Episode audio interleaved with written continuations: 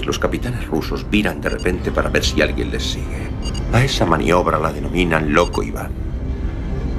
Lo único que puedes hacer es parar en seco tu nave y esperar los acontecimientos.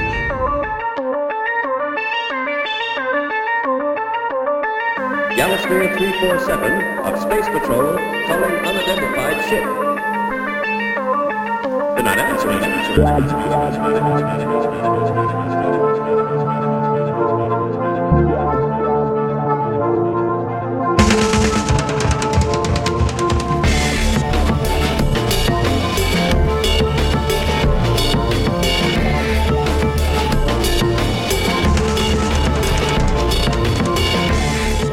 Moi boas noites a todos e a todas. Prepárense para pasar unha hora repleta de aventuras a bordo do submarino nucelar máis intrépido de toda a Unión Soviética.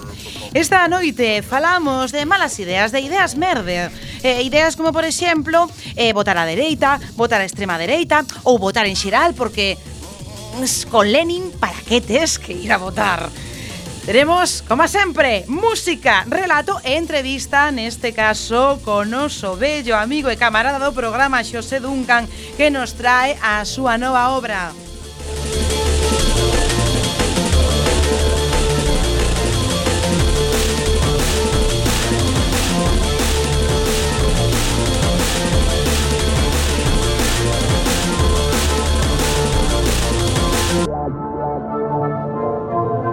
Please stand back from the automated door and wait for the security officer to verify your identity. Before exiting the train, be sure to check your area for personal belongings. E todo isto non sería posible, como non, se non tiveramos na sala de radio, señor Bugaló. Se non tivera a miña esquerda o xefe de torpedos, o camarada Lameloz. Boa noite, camarada. Se non tivera encerrado na cociña o xefe de cociña Birnarem. Boa noite, aquí fai moito frío.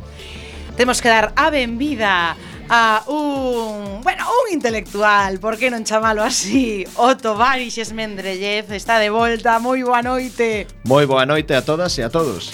E por suposto, a miña anteriormente debilidade, agora intento tirala pola escotilla, eh, a querida, anteriormente querida, camarada de Oscar.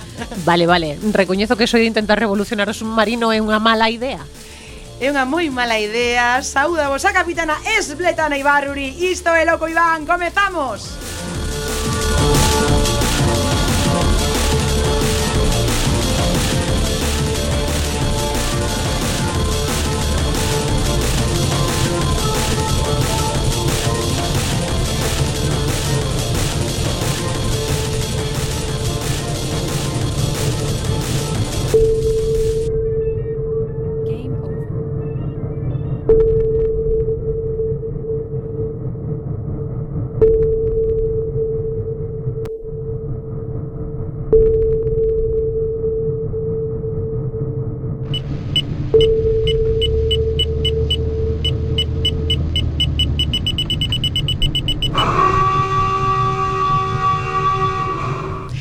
Son as 13 minutos da noite, se nos estás escoitando en directo, se nos estás escoitando a través do podcast, pois eh, pode ser calquera, calquera hora do día ou da noite que nos gusta máis. Vamos a facer un repaso a onde nos podedes chamar en directo sería señor Esmendrellev, está atento?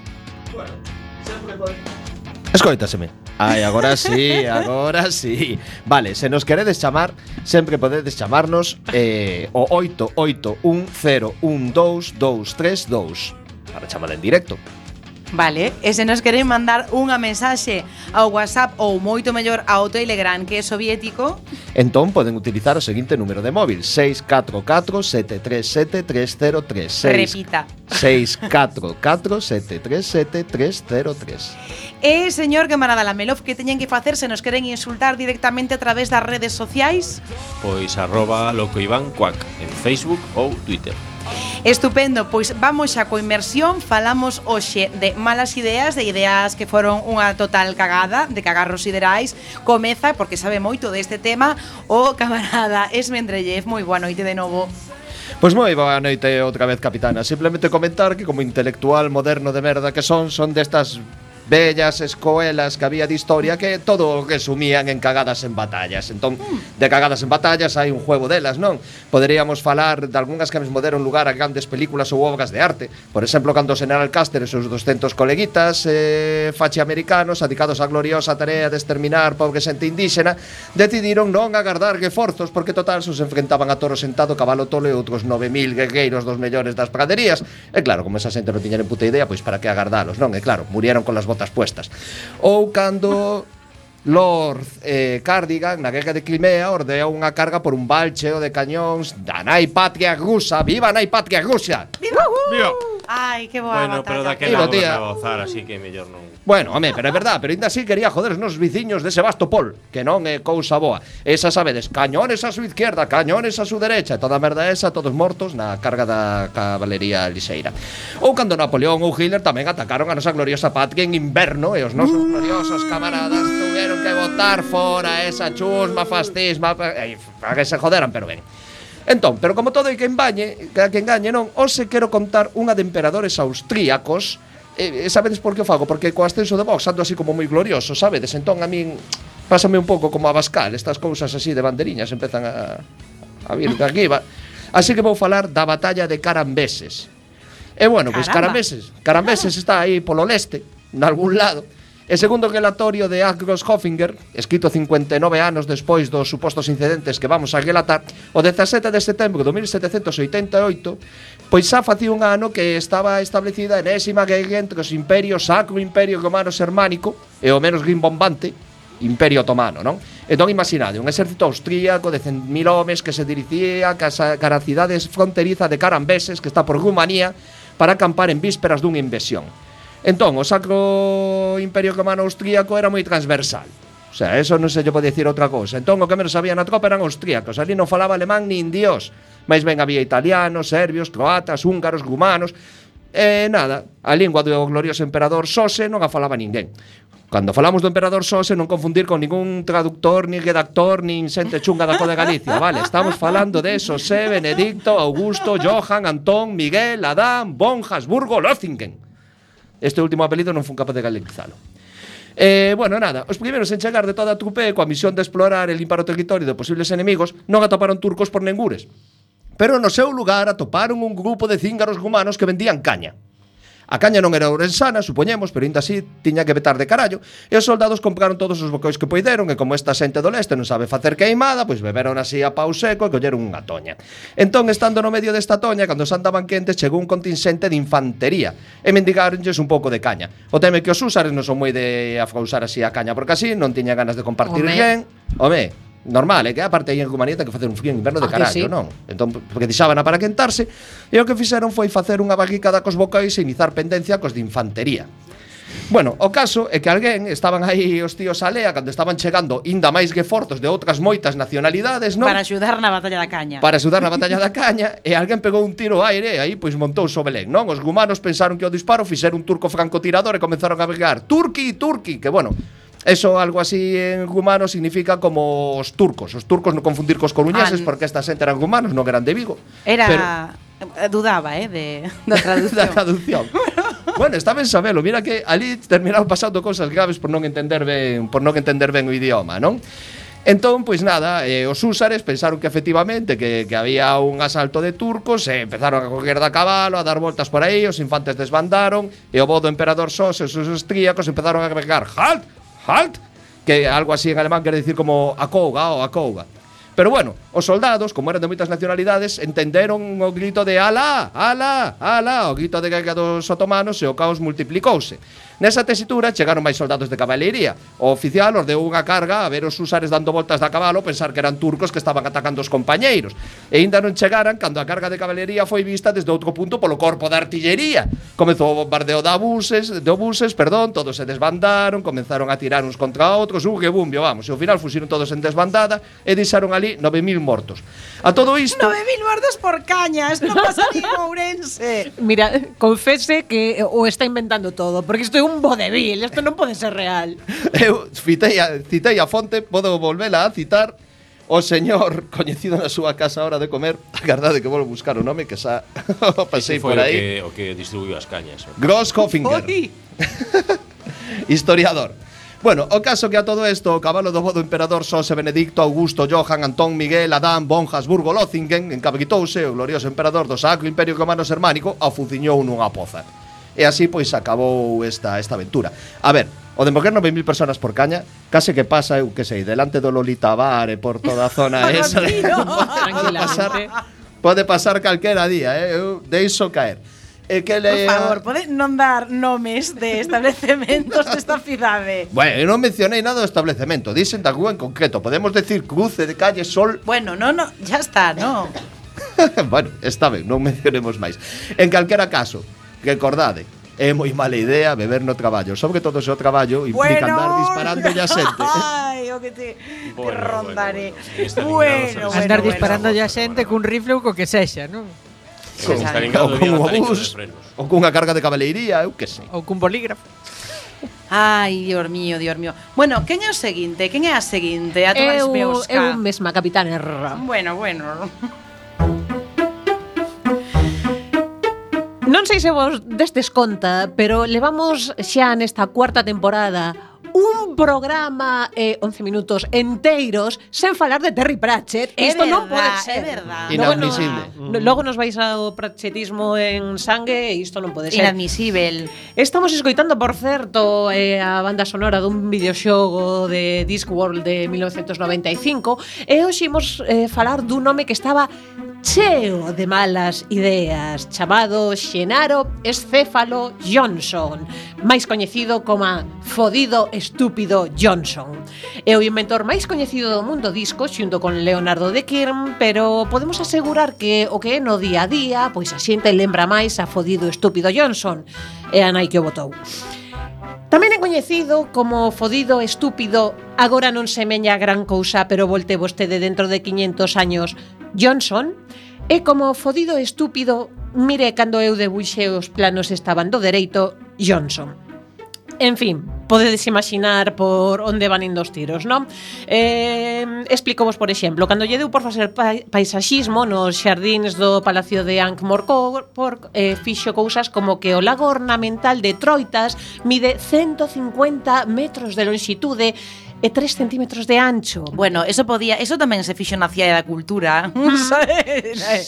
Sí, pois igual, bueno, hai que dicir Igual que a foi o Troitas... mesmo, eh. Probablemente. As troitas comían pouco, eran así estilizadas. Uh -huh. Vive unha de din que moi agustiño mentres non trate de dar a volta, así que ben. Hai tamén unha fonte, o que pasa que eso se puxo a funcionar unha vez, a primeira vez que o intentaron estivo cinco minutos facendo ruidos ominosos e rematou disparando un pequeno anxo de pedra a 300 metros de altura, o que non deixa de ter o seu mérito. Eh, hai tamén un labirinto tan pequeno que a xente perdese eh, buscando que, bueno, normalmente non é o que se pensa a primeira data, pero ao final a xente perdese que é a idea, non? Hai unha colmea que en ausencia de abellas de 3 metros é usado como pombal, un reloxo de sol con tendencia a explotar a mediodía, mobles de xardín que se derreteron xa en tres ocasións, eh, bueno, había o chamado adoquinado absurdo, pero xa non existe porque suicidouse. O adoquinado. Eso é pasar, Estaba eh? triste mm, non sabemos, con jodido estúpido Johnson pode pasar calquera cousa.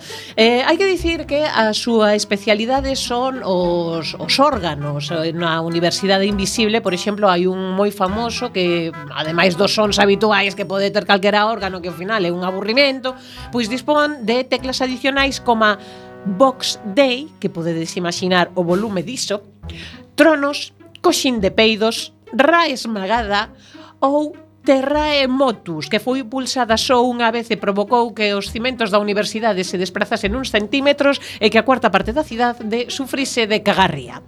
Se o chegas a ver back, Mm, pois sí. Ademais hai 14 teclas que eh, ninguén se atreveu a tocar porque están sinxelamente marcadas cun signo de interrogación e eh, mira, non imos xogar con tanta historia.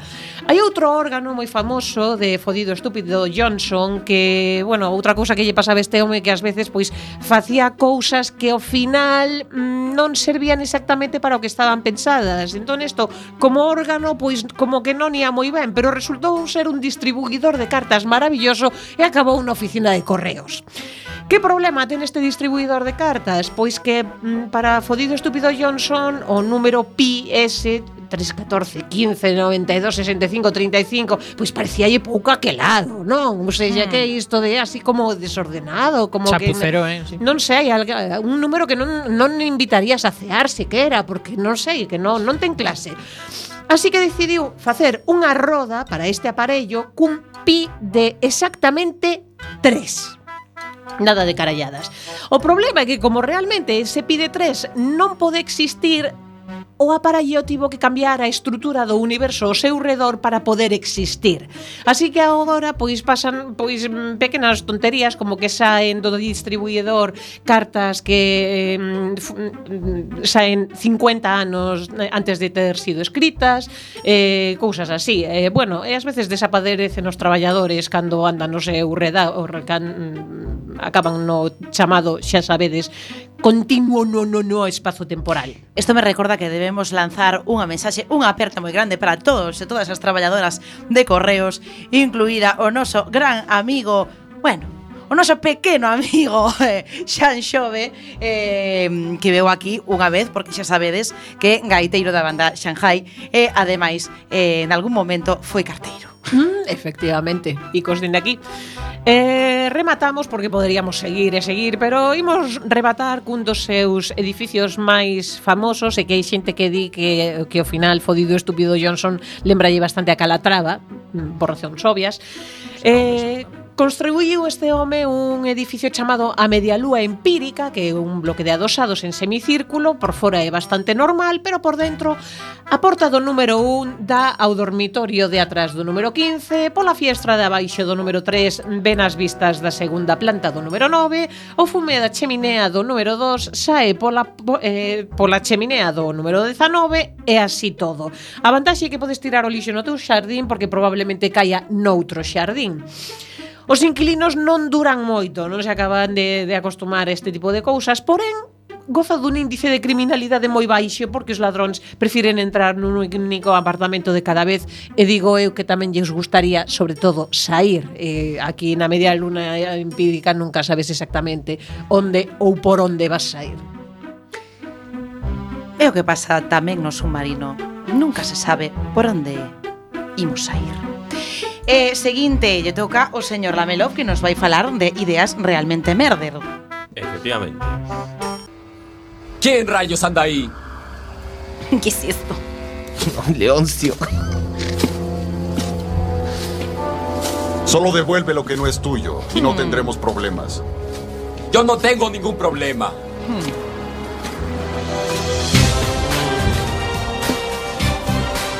Yo creo que sí los tienes. Pois sabedes que en DC Comics fixeron hai tempo eh, que Superman morrera.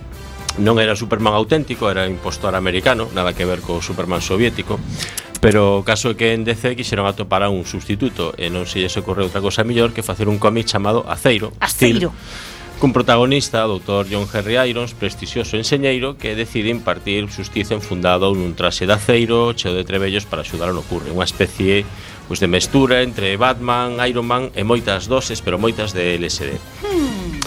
A ver, a idea original deste cómic xa non era moi boa, todo que dicilo, pero por se non abondaba, alguén tivo idea de levar ao cine e a cousa non quedou aí. Para engadir máis emoción ao asunto, elixiron como autor principal a Shaquille O'Neal, é unha estrela da NBA, unha montaña de 2 a 6 metros de altura, 147 kilos de peso, é moi bo xogador. Pero como actor, pois, a ver, apenas se quen de articular moitas palabras seguidas, e sobre todo os que teñan un pouco de coherencia. É como to- a mala idea elevada a N, non? Elevada, sí, efectivamente, a NBA, exacto e todo, claro, eh, dicir, para interpretar, sen estar capaz de, de decir moitas palabras, pues, para interpretar además a un enxeñeiro ou a un científico que supostamente era señal. Bueno, Kenneth Johnson foi o director elexido para este cagarro do hiperespacio A quen seguro recordaredes por ser o director tamén de Cortocircuito e o Increíble Hulk Por favor, Cortocircuito, ah. no, dame moitísima pena esa película Bueno, pois pues el foi o director e tamén do Increíble Hulk, pero a de finais dos 70 A película está considerada como a peor película de superheróis da historia, con todo merecemento. Shaquille O'Neal bueno, foi nomeado bueno, bueno. ao Razzies como o peor actor do ano 97, pero tivo dura competencia e finalmente o premio foi para Kevin Costner. Ah, por o mensaxeiro do futuro. Ai, pobre. Outra mala idea. No. Sí, moi mala. Que, bueno, non sei se anunciaba lisivo ou algo. Outros actores os que tivo que competir Shaquille O'Neal foron Val Kilmer polo Santo. No, hombre. Es Steven Seagal por Nunca. Terra Perigosa 2. Steven Seagal, no. Pois que Steven Seagal se non fora sheriff de de de Agora é colega de Putin. Un reality Steven Seagal sería soviético, estaría con nos. De feito está con Putin Está agora, con anda nós. aí, está chegándose. Bueno. Bueno, John Boy tamén eh, levou, pues, bueno, estiva nominado por Anaconda. Que, Ay, Anaconda. Sí, o sea que vamos, la verdade é que Shaquille O'Neal tivo competencia, tivo competencia moi dura, moi dura. Anaconda, a única peli na que as cascadas a, a auga flúe ao revés, de abaixo arriba. Bueno, se nos ponemos Esa exquisitos. Bueno, pois No mundo dos videoxogos tamén houve moi malas ideas Un dos casos máis coñecidos é o do videoxogo ET oh. O extraterrestre da mítica sí. compañía Atari Que fixeron a previsión de 5 millóns de unidades para poñelas á venda E tendo en conta que falamos de comenzos dos anos 80 A cifra era optimista demais creo eu. Ai, ese cagarro. Só venderon un millón e medio de unidades e a xente que base de que estaba cheo de erros, non había xito de xogalo en condicións, bueno, e finalmente decidiron enterralos. Como no? se movía é que ET? Parece ser que pues como así, como que o fixeron en cinco semanas. como eh, Chechi. Como Fraga. Sí. Era unha cousa en plan de eu normalmente fago un xogo en 8 9 meses, pois pues tes cinco semanas. Vale, non pasa nada. Adiante. Claro, contaban só coa fama da, da película e xa está. Bueno, xogo era un cagarro infumento e decidiron enterrar soterrar todas as copias que non venderon porque só venderon un millón e medio, que non estaba mal. Oye. Pero, bueno, entraron no deserto de, de Novo México. E daquela pois, non había internet, entón a cousa acabou considerándose como unha especie de lenda urbana durante moitos anos. Ata que en 2013, coincidindo co anunciamento de Microsoft de facer un documental sobre este caso, atoparon o lugar onde foron enterradas estas copias e desenterraronas. Logo soterraronas oh. outra vez oh. Algunhas foron subastadas e queren facer ali agora un centro turístico, é dicir, a estupidez do mm. capitalismo que, oh. que, bueno, final, que non ten todo o centro ten turístico. E tamén nos videoxogos hai cagadas dentro das propias mecánicas dos mesmos, é dicir, sobre como hai que xogarlos ou os clichés que se repiten unha outra vez, pois eh, en diferentes videoxogos. Unha destas mecánicas infames son os chamados eventos de tempo rápido, coñecidos polas súas siglas en inglés QTE. Básicamente conseguir eh, tocar coas teclas nun instante específico no videoxogo para que consiga avanzar a escena, non? Pois Dragon Lair era un dos mm. xogos máis famosos desto de Disney, sí. bueno, era un cagarro porque era se terrible. acagas nunha milésima de de que das aí a, a tecla no momento pois pasándote ou achegándote nese tempo, xa non podes seguir, entonces volver a empezar. Entón era verdade Another ah, bastante, World era outro tamén bastante Tiña algo de eso, pero non, non tanto. Bueno, o caso é que é eh, unha técnica que afortunadamente nos están pregando moito, aínda que en algúns xogos hoxe en día meten algunha cousa así como de refilón que son bastante pois pues, mal recibidas pola Eso xa o fixo o Xabarín Club, recordades con Oink Efectivamente, había que decir oink no momento adecuado. favor, que se xa meu cumpleano rápido que volva iso. Pois que volva xa. Hubo tamén algunhas cantas estupideces tecnolóxicas relacionadas co mundo do videoxogo, bueno, polo menos semi videoxogos. Había unha tableta, non sei se a coñecedes, chamada Udraw, feita por THQ, que era para Wii, unha tabletiña do que dibuxaba, se podía xogar sí. nos xogos da Wii e tal. Bueno, pois na Wii aínda tivo un relativo éxito, creo que vendron un millón de unidades ou cosí. Entón pensaron, bueno, se funciona na Wii, vai funcionar no resto das plataformas e non. E significou casi a ruína, e bueno, non, significou a ruína totalmente de THQ, que era unha empresa que daquel momento pois pues, teña bastante bastante prestixio. Tamén había unha cagada que non sei se coñeces, que era un dispositivo que fixo Microsoft, que era o Kinetic, que era como un sistema uh de mm. sensores de movimento que podías facer o canelo diante da consola para transmitir os movimentos, non? Quería ser unha especie de Wii, pero sen mando. Mm. Pero sen mando, sí. E ademais tiña unha calidade infame, que non funcionaba. Facías o canelo, pero Na, ali, pero... o único que facías o era que Canelo e non se enteraba ninguén. Non se enteraba ninguén. O sea, ti facías o Canelo e só os viciños, xa, entón ao final foi un fracaso estrepitoso. En fin, é unha das malas ideas que penso que é bastante, bueno, divertida, pero tráxica a vez. Foi histórica e non, bueno, ten certas doses de friquerío porque podría acabar nun episodio do Simpson. Que en Australia, ese gran país onde calquera cousa pode matarte, hmm. tiñan un problema nos anos 30 cuns escarabellos que papaban o trigo. Entón, para solventar un problema, tiveron a señal idea de mercar uns cento e pico sapos hawaianos para que prepararan aos esca para que paparan os escarabellos. Un plan, vamos, que quen podía pensar non que podía, podía fallar, fallar eso non pode fallar nunca. Pues claro que non, e ademais podes chupar os sapos logo. Aparte, se si foran 150, pero penso que era un, un plan perfecto, pero A ver, eh, os escarabellos resulta que podían subir a unhas plantas de caña de sucre que eran moi altas e os sapos que eran bastante gordos, pois non podían alcanzalos. Mm, Co cal, os escarabellos pois seguían papando non só o trigo, senón que tamén as cañas de sucre. Mm. E ademais resulta que os, os sapos, pois como Algo non tiñan que, que comer, comer escarabellos, comían todo. O sea, papaban todo. Todo o que petaban por diante e puideran papalo, papábalo. O, pe o peor é que fixeron dúas veces, ademais, con logo con outros sapos tamén. Sí, algo así. bueno, pois pues, eh, digamos que foi unha catombe case porque ademais cada femia de sapo podía poñer 50.000 ovos. Entón multiplicaronse o número de sapos para te convertir na maior plaga australiana, que mira que a Australia de pragas, pues, que sabe, pode, un... pode falar sabe, de pragas. Sí, sí, pois pues, sí. tiñan a de coellos, bueno, pois pues, acabaron por todas partes, nos cubos de lixo, entre as caixas das tendas na alimentación, restaurantes, en todos os armarios das casas, nos baños, onde, en calquera sitio. E ademais eran velenosos. Oh. Todo, oh, vamos, o sea, unha postra gañadora total. Eran velenosos, entón, se un animal os comía, pois pues, morría envenenado. Oh, no. Entón, morreron milleiros de aves, serpes e dingos, que claro, que papaban aos sapos e, e palmaban.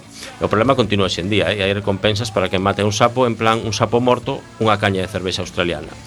Eu a verdade que se fora aquí, postos ao tema da caña, eso ten, ten un punto disuasorio tamén, eh? eu se fora aquí prefería beber o sapo, a verdade. Ai. Ai, Birnaren, que me olvidaba, por favor. Sí. Vamos a empezar con un tema muy friki. non sé si vos soa esta, esta música claro. aos, aos amantes de dragones e mazmorras. Mm, bueno, no, está un pouco máis desencaminado. Eh, esta é a música de... De que? De que? A ver, Esta é a digan. versión cantada, Non, porque non, se a versión non é la cantada... la la de, de No, esto sí, eh, É joder, unha que serie de televisión que non que non é canadiense nin É que, Os- verdad os que novos. parece? A víbora negra. eh, pratos combinados, pratos combinados. ¡Qué imposible! Efectivamente, pratos combinados. ¿Por qué traigo Pero pratos, pratos combinados, combinados, eh, eh, o sea, eh, se rodaban Sisal, ¿y qué es esto? Es una cosa-? Bueno. Nunca me dirá conta ata agora deste, deste infame plaxio da telegaita. Pois, pois aí está. Eh, Unha mala idea. Efectivamente, a, a música xa é unha mala idea, non? Pero basicamente os episodios todos de pratos combinados eh, pois eran todos iguales e basicamente, o sea, sí, tamén é certo. era eh, Son o único aquí que lle gusta pratos combinados. No, no, no, no. ¿Por que por que non me sorprende? Probablemente, me sorprende. probablemente eso iba a decir ao final que a pesar de todo, incluso hai xente que lle gusta, ¿no? Pero sí, sí. Eh, quería desenvolver o tema da mala idea, que normalmente comeza con pois pues, unha mala idea por parte de Antón, o, o dono o dono da Caixa que, des, que sempre convence a Miro para, para lialo e ao final atención spoiler, sempre acaba mal. E así episodio tras episodio. episodio tras episodio ata xa non a podo ver. 1500 que ten. Nesta santa casa prometase todo. E o que non se aproveita me para Que pena tan grande. Bueno, e vamos e vamos con outra serie.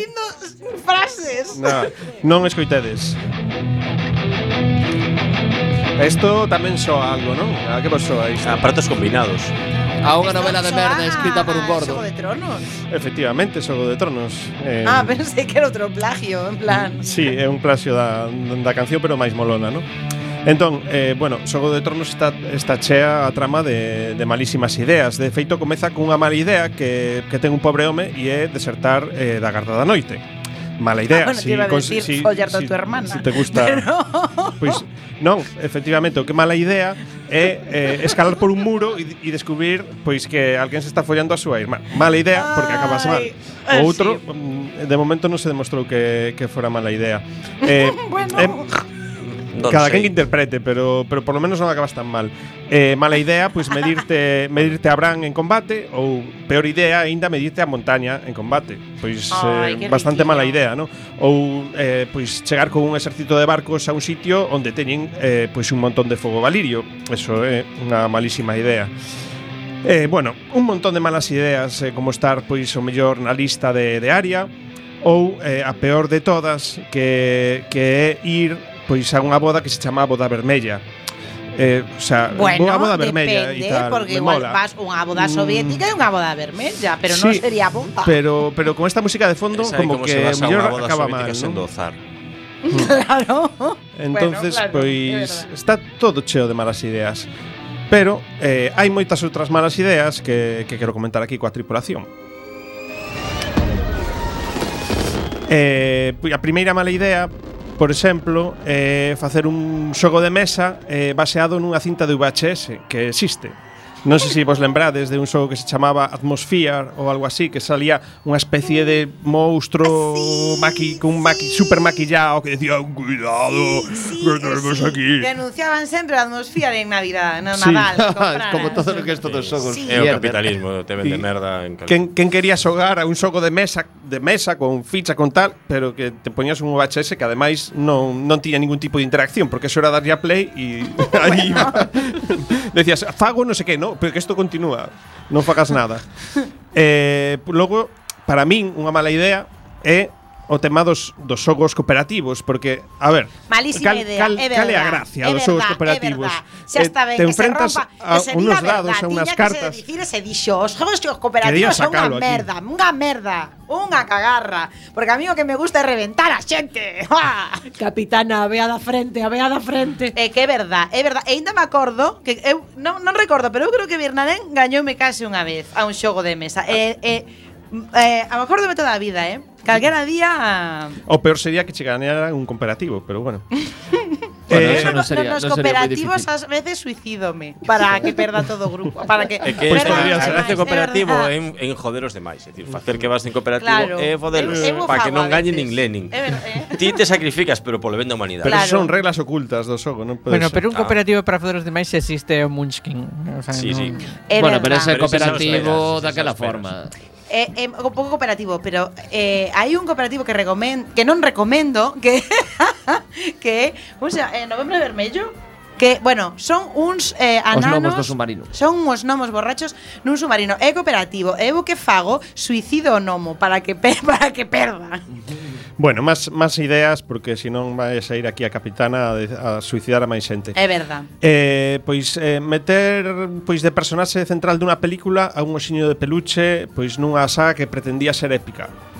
Eh, bueno, pois eh, estamos falando do Seawalk que No, por favor, pero esos que foi dos personaxes máis odiados de No, de, Sí. de unha saga. Des, No. a, a, a que chegou o de o Ata que chegou o Como se chamaba Java? Java, ¿no? Java, no, Java. el Java no, Ah, no, no, Jar Jar Binks. Ese, Jar Jar Jar. Efectivamente, ah, foi difícil. Penso, eu penso tamén co tema Iwe, que é un pouco gustalle máis os meniños, non? Entón- Perdón, entón... amigos Ewoks, mola me mogollón e de feito a miña gata parece ser un Ewok. Porque tiras que, de feito, creo que Ewok. Dis que, que depende pues moito mal. que che guste a película dos Ewoks dependendo da idade que tiveses eh, nese eh, momento. Eu penso como claro, veo. Se eras máis pequeno, pois como que ah, mola, ah, mola máis. máis. Bueno, pois claro. máis, máis malas ideas. Eh, pois facer precuelas de sagas, é dicir, ti creas unha saga aí super molona, no? Que, que, que é como redonda, ¿no? Como ten un principio, un final, tal, non sei que, e dice que xa non podo, pero vendeu moito, ¿no? E dice, xa non podo crear máis, pois, ah, pois fago unha precuela. Claro. Me invento algo e mira, xa temos unha de Xogo de Tronos agora que, que está por estrenarse, pero que Eh, hai un a montón de casos de Estou de acordo contigo. Precuela iso- pro cromo. Dicir iso con unha musiquiña de Star Wars debaixo tamén ten. Tamén, tamén Star Wars é, é unha delas. Es un pouco mierder, pero bueno E e unha, unha máis por aquí, porque outra outra idea era de facer un xogo mierder como como ET e logo facer un montón de copias eh, que logo non vas a vender. Pero pero vamos. Eh, tamén é bastante mala idea eh, pois eh, ter esperado aos teus fans anos e anos eh, polo, por, por, por un xogo, no? como o caso, por exemplo, do Diablo 2 que pois ao pouco de facer o Diablo 2 dixeron vamos a facer o Diablo 3 e tardou creo que 12, 13 anos e a este paso pois eh, o mellor prácticamente os fillos dos, dos xogadores orixinais pois terían que xogar a, a él porque os outros xa estarían ocupadas outras cousas. O terceiro libro da saga de Quoth. Inda seguimos esperando por el. Canto levamos? Tres anos, catro anos? Bueno, non vos metades que esa sete que comparado co gordo de xogo de truños non é nada. O sea, o tío Tamén. está aí que non está publicado. Oye, o do nome do vento de Richard Joder, sí, sí, sí, Patrick Rothfuss. Sí, claro. O Half-Life 3 aínda non saiu que pasa con eso? Ninguén o di o dis- Ay, ay, por favor, esta música de los Ewoks. Asodiamos, Ay, por favor, asodiamos. Y que amas a los Ewoks o te mato. No capitana, Di, os amamos di- ah, bueno. Miñoca. Ay, os Ewoks. Vais a luna de Endor. Ay. Bueno, eh, nos vamos. ¿A dónde nos vamos? Eh, vamos fatal de tempo, pero pero nos da igual. Así que, porque toca sala de radio, e a sala de radio é inapelable. Eh, Pero a fume de carozo A fume capitán. de carozo Vamos a escoitar hoxe a Xil Ríos Non? En... No, unha idea aínda aínda peor Bastante pior. Vaya. Porque pois, unha cousa que algo Difícil oh, de imaginar. un- Unha cousa que algo soe mal, pero que soe mal e que aínda por riba sexa de mentira, eh, non vos sae nada, non? un peido falso. Pero seguramente, a ver que que empeza a poñela que seguramente. This one's for you. Empezaba así con ¿Eh? Mili Vanilli, claro que sí. Oh. Eran moi de mentira, eran moi de mentira, ademais era horripilante. É moito máis horripilante do que eu lembraba, non, non non o lembraba tan horripilante. Eu non, os, non os tiña na cabeza como Ala, suade,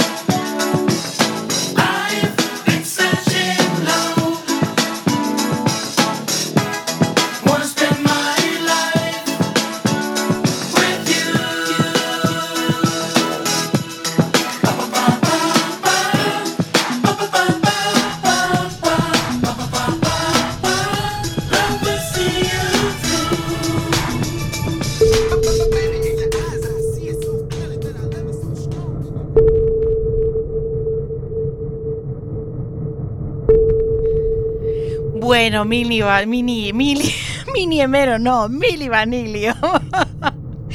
Bueno, eran boísimos se foran eles a onde estén os verdadeiros. Eh, temos rapidamente que abrir a escotilla. Abrimos a escotilla porque unha vez máis no submarino temos que recibir, por favor, tripulación, vamos a dar un único aplauso a Xosé Duncan. Escritor, amigo do programa, home multidisciplinar, Eh, moi boa noite, xa a súa terceira inmersión no submarino. Sí, sí, sí, sí, saímos pola terceira, sí. Saímos pola terceira e tamén saímos pola terceira novela que ven vostede a presentarnos no submarino, unha novela Nemea que presentou, deu a coñecer en maio que xa estábamos de vacacións, tivemos este parón estival e agora que regresamos. Bastante, bastante longo, eh? Bueno, pero a cousa é así, cando se traballa moito hai que descansar tamén moito, amigo. Eh, Eh, así que, camarada, contenos porque de repente vostede dá un salto de escala, oye, xa está aí editando con Galaxia, que é unha editorial, vamos, con, con, con todo o respeto para, esto, para todo o resto de editoriais galegas, pero unha editorial con moita solera en Galicia, e ademais, iso sí cambia un pouco vostede de temática. Sí, Sí eh, e non, eh, un pouco a medias, non? Eh, é certo que, que esta novela eh, continúa a ser un pouquiño fantástica, pero tamén é verdade que, que ten unha porcentaxe de realismo bastante bastante forte, non? Eh, de feito, pois ben, eh, hai algúns, eh, houve, digamos, opinións encontradas e enfrentadas respecto á novela, un pouco tamén polo escenario tal vez excesivamente realista que algunha xente tachou de crítica ao sistema literario e aos de, de, determinados axentes non? do sistema, pero bueno, en definitiva non era máis que un escenario onde este escritor amargado que o Lois Mourinho pues, tentaba escribir a súa última novela. Non? Bueno, eh, hai moitos escritores amargados, non vostedes, señor Xosé Duncan, pero gracias, na literatura esa figura do, do escritor amargado non é, non é nova. Que ten de diferente, por tanto, este escritor amargado? Pois Ui, pois ten, ten uns cantos ingredientes bastante interesantes. O, o primeiro é que el xa leva 10 anos sin publicar, entón, de alguna maneira, eh, houve un salto, houve un salto xeracional que el, que el perdeu un poquinho o contacto co, coa realidade literaria ou, ou máis ben do sistema literario non? Eh, el continúa coa súa narrativa fantástica e pois por outra banda tamén ten unha especie de Parkinson autoinducido que, que impide escribir el mesmo a novela e ten que botar man de unha colaboradora que, que ao final é realmente quen, quen está a escribir a, a novela en sí. E por Eso último, fixo Ana Rosa Quintana tamén. Sí, sí, non? Sí, pois eu, eu tentei meter a Ana Rosa, pero non me deixaron, eh, entón non houve maneira. eh, sistema. Eh, sí, claro. E por último, eh, o problema que el ten principalmente é que a fantasía acaba por devoralo, non? Eh, che un momento en que el ten unha tolería bastante enfermiza que, que é incapaz de, de diferenciar o que é real, o que é imaginario, E aí nestes episodios de delirio onde aproveito e continuo metendo a fantasía. Todo o demais da novela pois é bastante realista, por lo menos para, para o que eu adoito a facer e escribir, é bastante realista, sí. Eso lle iba a dicir, cal é a diferencia ou como é esta evolución dende Negruña, dende as memorias do lago Antelbari, que para min é eh, o Twin Peaks galego, eh, pois a, ata aquí. Que lle pasa a vostede? Pois, pois non lo sei, foi, foi, foi así un arrebato de, de, de facelo desta maneira, porque, por exemplo, a seguinte que veño acabar de rematar de escribir é, é todavía máis fantasiosa que, que as anteriores. Non? Entón... Pero que no, nos está dando unha primicia, o sea, non acaba de, de, de empezar a, a, a promocionar este libro e xa ten outro escrito. Sí, e, eh, eh, bueno, e imos presentar a Melissa Carla López Maiseu para nada, para principios do mes que ven, un libro CD tamén de fantasía, así que imos en triplete. Un momento, estamos... por favor, non se adiante porque son capitana, xa o sabe. Entón, isto era a seguinte pregunta. A teño ah, vale, aquí vale. apuntada. máis proxectos, Xosé Duncan, ligados ao fantástico. É o caso dun audiolibro. Contenos agora, por favor, dese audiolibro. Sí, sí, sí, curiosamente teño un audiolibro, efectivamente, eh, que, ben, eh, este, este libro, eh, o texto xa leva escrito bastantes, bastantes anos, eh, e ben, por, durante un tempo pensei tamén en presentarlo a, a Galaxia, pero como era un, un libro que, que, digamos, era un proxecto bastante personal e particular meu, e despois Carla, Carla López eh, leu o libro, gustoulle eh, e apuntouse a facer a banda sonora. Entón, de alguma maneira, decidimos botarlo adiante entre, entre os dous, a nivel particular. Eh, tentamos facer un Berkami, que, que non saiu demasiado ben, eh, foi unha mala idea o Berkami, Eh, bueno, hoxe pesar, falamos de malas ideas. Sí, sí, sei, no, sei, no. Entón, a, a pesar diso, pois, pois, bueno, decidimos sacalo igualmente. Eh, e ao final, pois, bueno, tivemos un equipo de uso colaborando. Estivo Elba Fernández facendo o diseño da, da capa eh, eh, e, e do que oh. a galleta do, do CD. Iago Mourinho, que interpreta a música, estivo tamén por Álvarez, o que é a postproducción ben, de alguma maneira, pois ben, eh, saiu bastante bonito. Presentámolos, presentámoslo o xoves 5, o xoves 5 a véspera de festivo, o xoves 5 de decembro ás 8 e media no Monti. No eh, Monti, na Coruña, no Papagayo, así que ali temos que estar, que ademais é xoves e non sacamos o submarino. Ah, pois moi ben, pois a ver se vindes. Oh, e ademais vai ser máis que unha presentación unha performance total. Eh, vamos a interpretar os temas do, do disco, eu farei lectura de algunhas pasaxes da, da novela, así que vai ser un, un experimento multimedia bastante interesante. Oye, vostede está feito un señor un case do Renacemento, porque ademais eh, xa a última eh, pregunta, como segue tendo tantos proxectos, eh, que nos conte porque acaba de sair o prelo eh, unha nova edición de Contos Extraños que esta vez está vostede de coordinador. Sí, sí, eh, vais a presentar eh, este tamén este decembro. Bueno, este decembro máis, máis que decembro o, o sábado 30 de novembro, porque o Culturgal cae este ano así un pouco a, a, a mitade de mes, non? Eh, entre un mes e outro. Eh, van a presentar eh, o sábado eh, será xa o número 13 de, de Contos Extraños. Neste caso é un volume que se chama Visitantes da Lenda Morte, que quere ser un pouco unha continuación do ano do que fixemos o ano pasado, que era Visitantes da Lenda Lúa, se no do ano pasado falábamos así de contactos con seres de outros mundos, aquí o que queríamos era relatar contactos con, con espíritus, eh, un pouquiño con, con, ese, con ese alén, con ese máis alá que, que pode convivir a máis preto de nós do que pensamos, non? Bueno, aí tamén en, eh, nesta nova edición de Contos Extraños, ademais de vostede, está outro outro amigo do submarino Manuel Moledo. É un amigo do máis infame, xa o sabemos. Sí. Todos, xa o sabemos todos. Realmente non sabemos nin por que lle falamos, pero atención, eh, Manuel Moledo. Manuel Moledo está aquí no submarino? Que levanta a man. Sí. Manuel Moledo. Manuel Moledo. Que hai, Duncan? Eh, que, Hola, que tal? que tal é ter a Duncan de coordinador?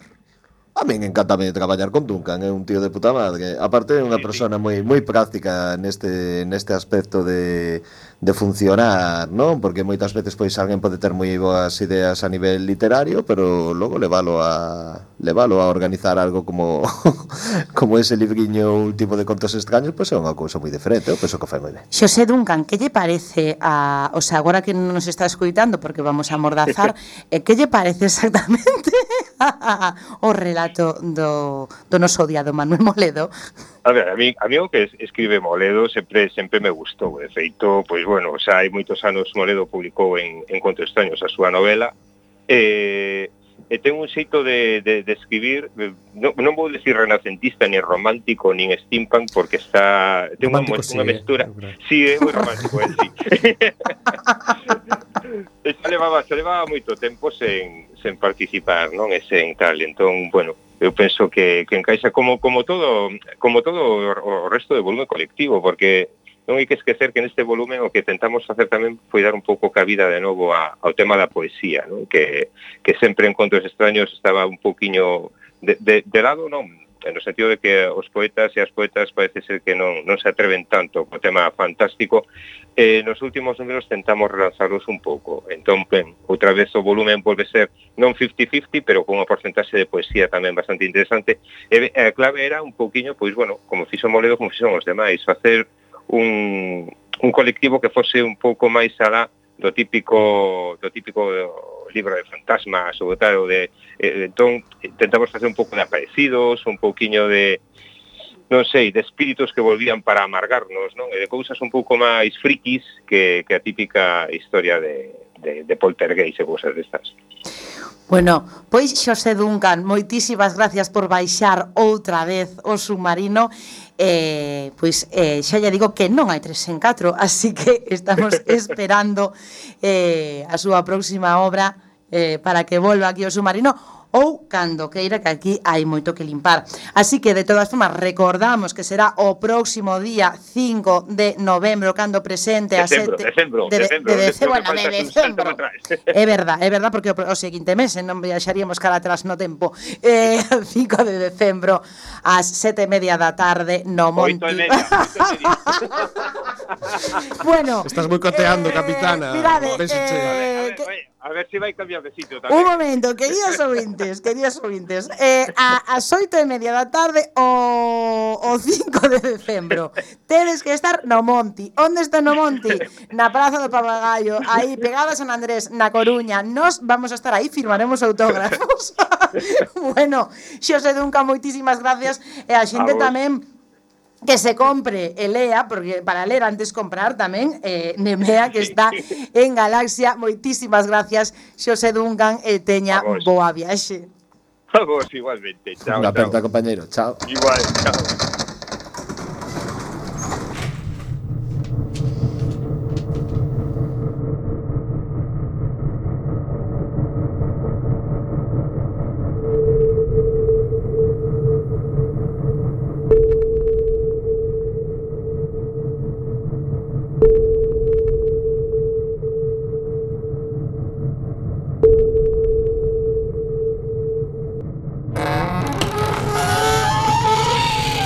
Estamos superpilladas de tempo. É unha contrarreló, así que, por favor eh, Esmendrellez, eh, que xa volve estar aquí eh, Díganos. Eh, O nome é unha frase do que, do que vais a ir o azar da, da biblioteca. Como dicen, o ascenso de Vox tenme turbado. Escollín unha obra de que verte oh. A sombra de águia, non hai nada máis que dicir. Podemos comenzar con ela.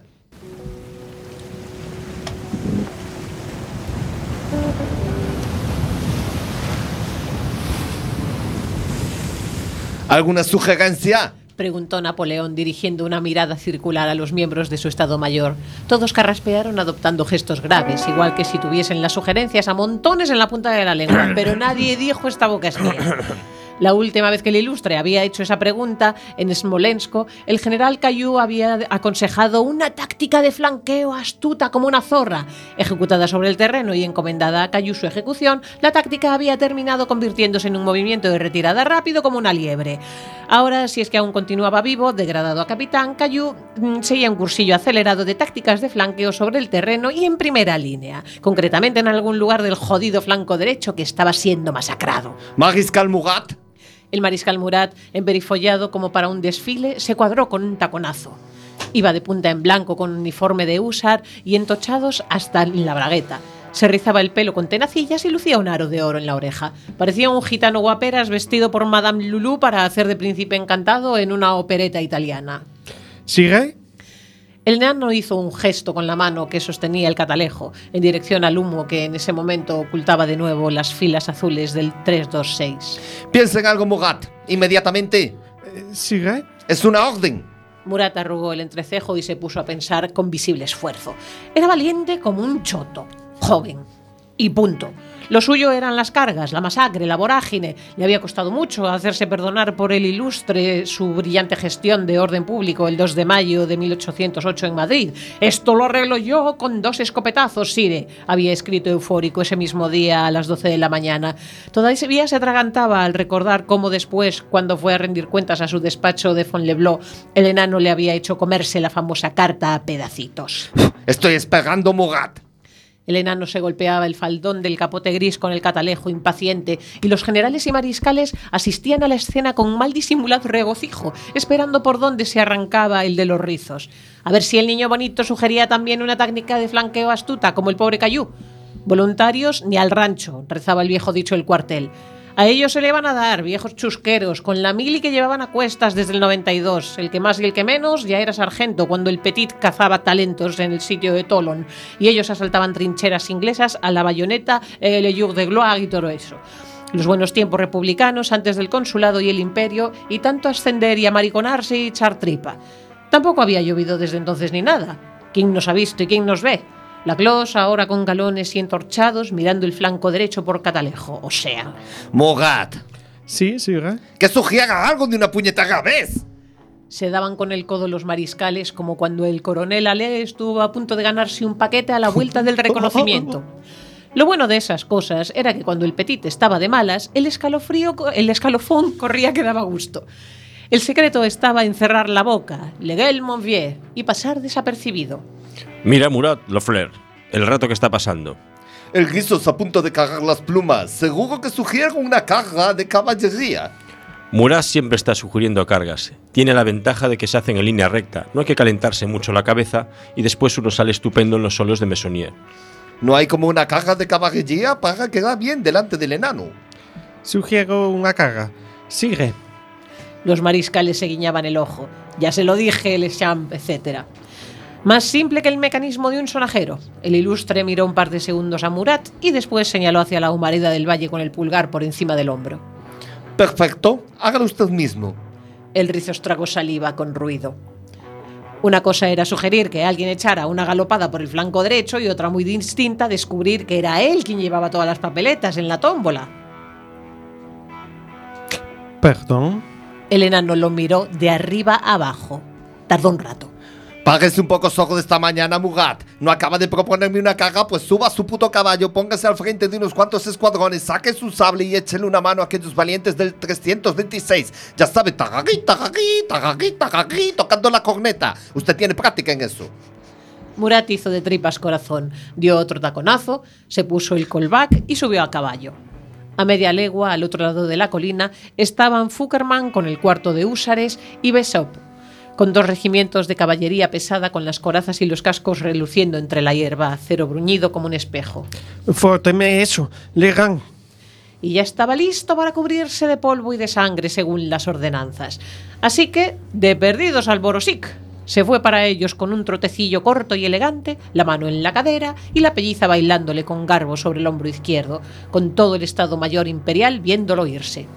Las cosas como son. Ladroso embutido y Hortera sí que es el tío, pero los tiene bien puestos. Y además tiene una suerte de cojón de pato. Igual hasta le sale bien la maniobra. Aunque resulte estéril, será hermosa. Y suspiro hondo, dramático, para la posteridad.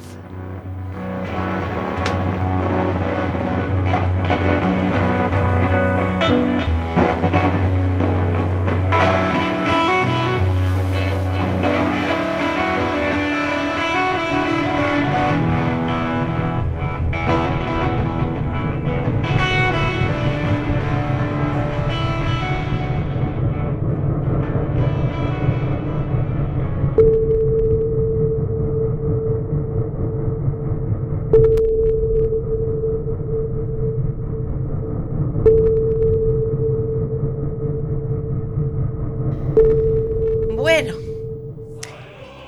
Críamos que non nos iba a dar tempo a rematar este programa agora, pero como non, se somos soviéticas, como non nos vai dar tempo, como non vai dar tempo nun submarino que está dirixido pola capitana Esbletana Ibarruri, bueno, pois... Creo que me fixen un esguince na lingua. Bueno, mellor facelo por iso que... Pois eu que sé, da igual. No, no, mellor era polo outro. Así a vida. Pero aquí neste submarino eh, bromuro para todo o mundo, menos para a capitana, por suposto. Nada máis, dicirvos que nos vemos a semana que ven, venres. Nos poden escoitar a calquera hora, pero recorden que os queremos moito e que beban vez vodka. Vezca. E vezca, vodka. e vodka, sobre todo con moderación. Os, os queremos. Mua.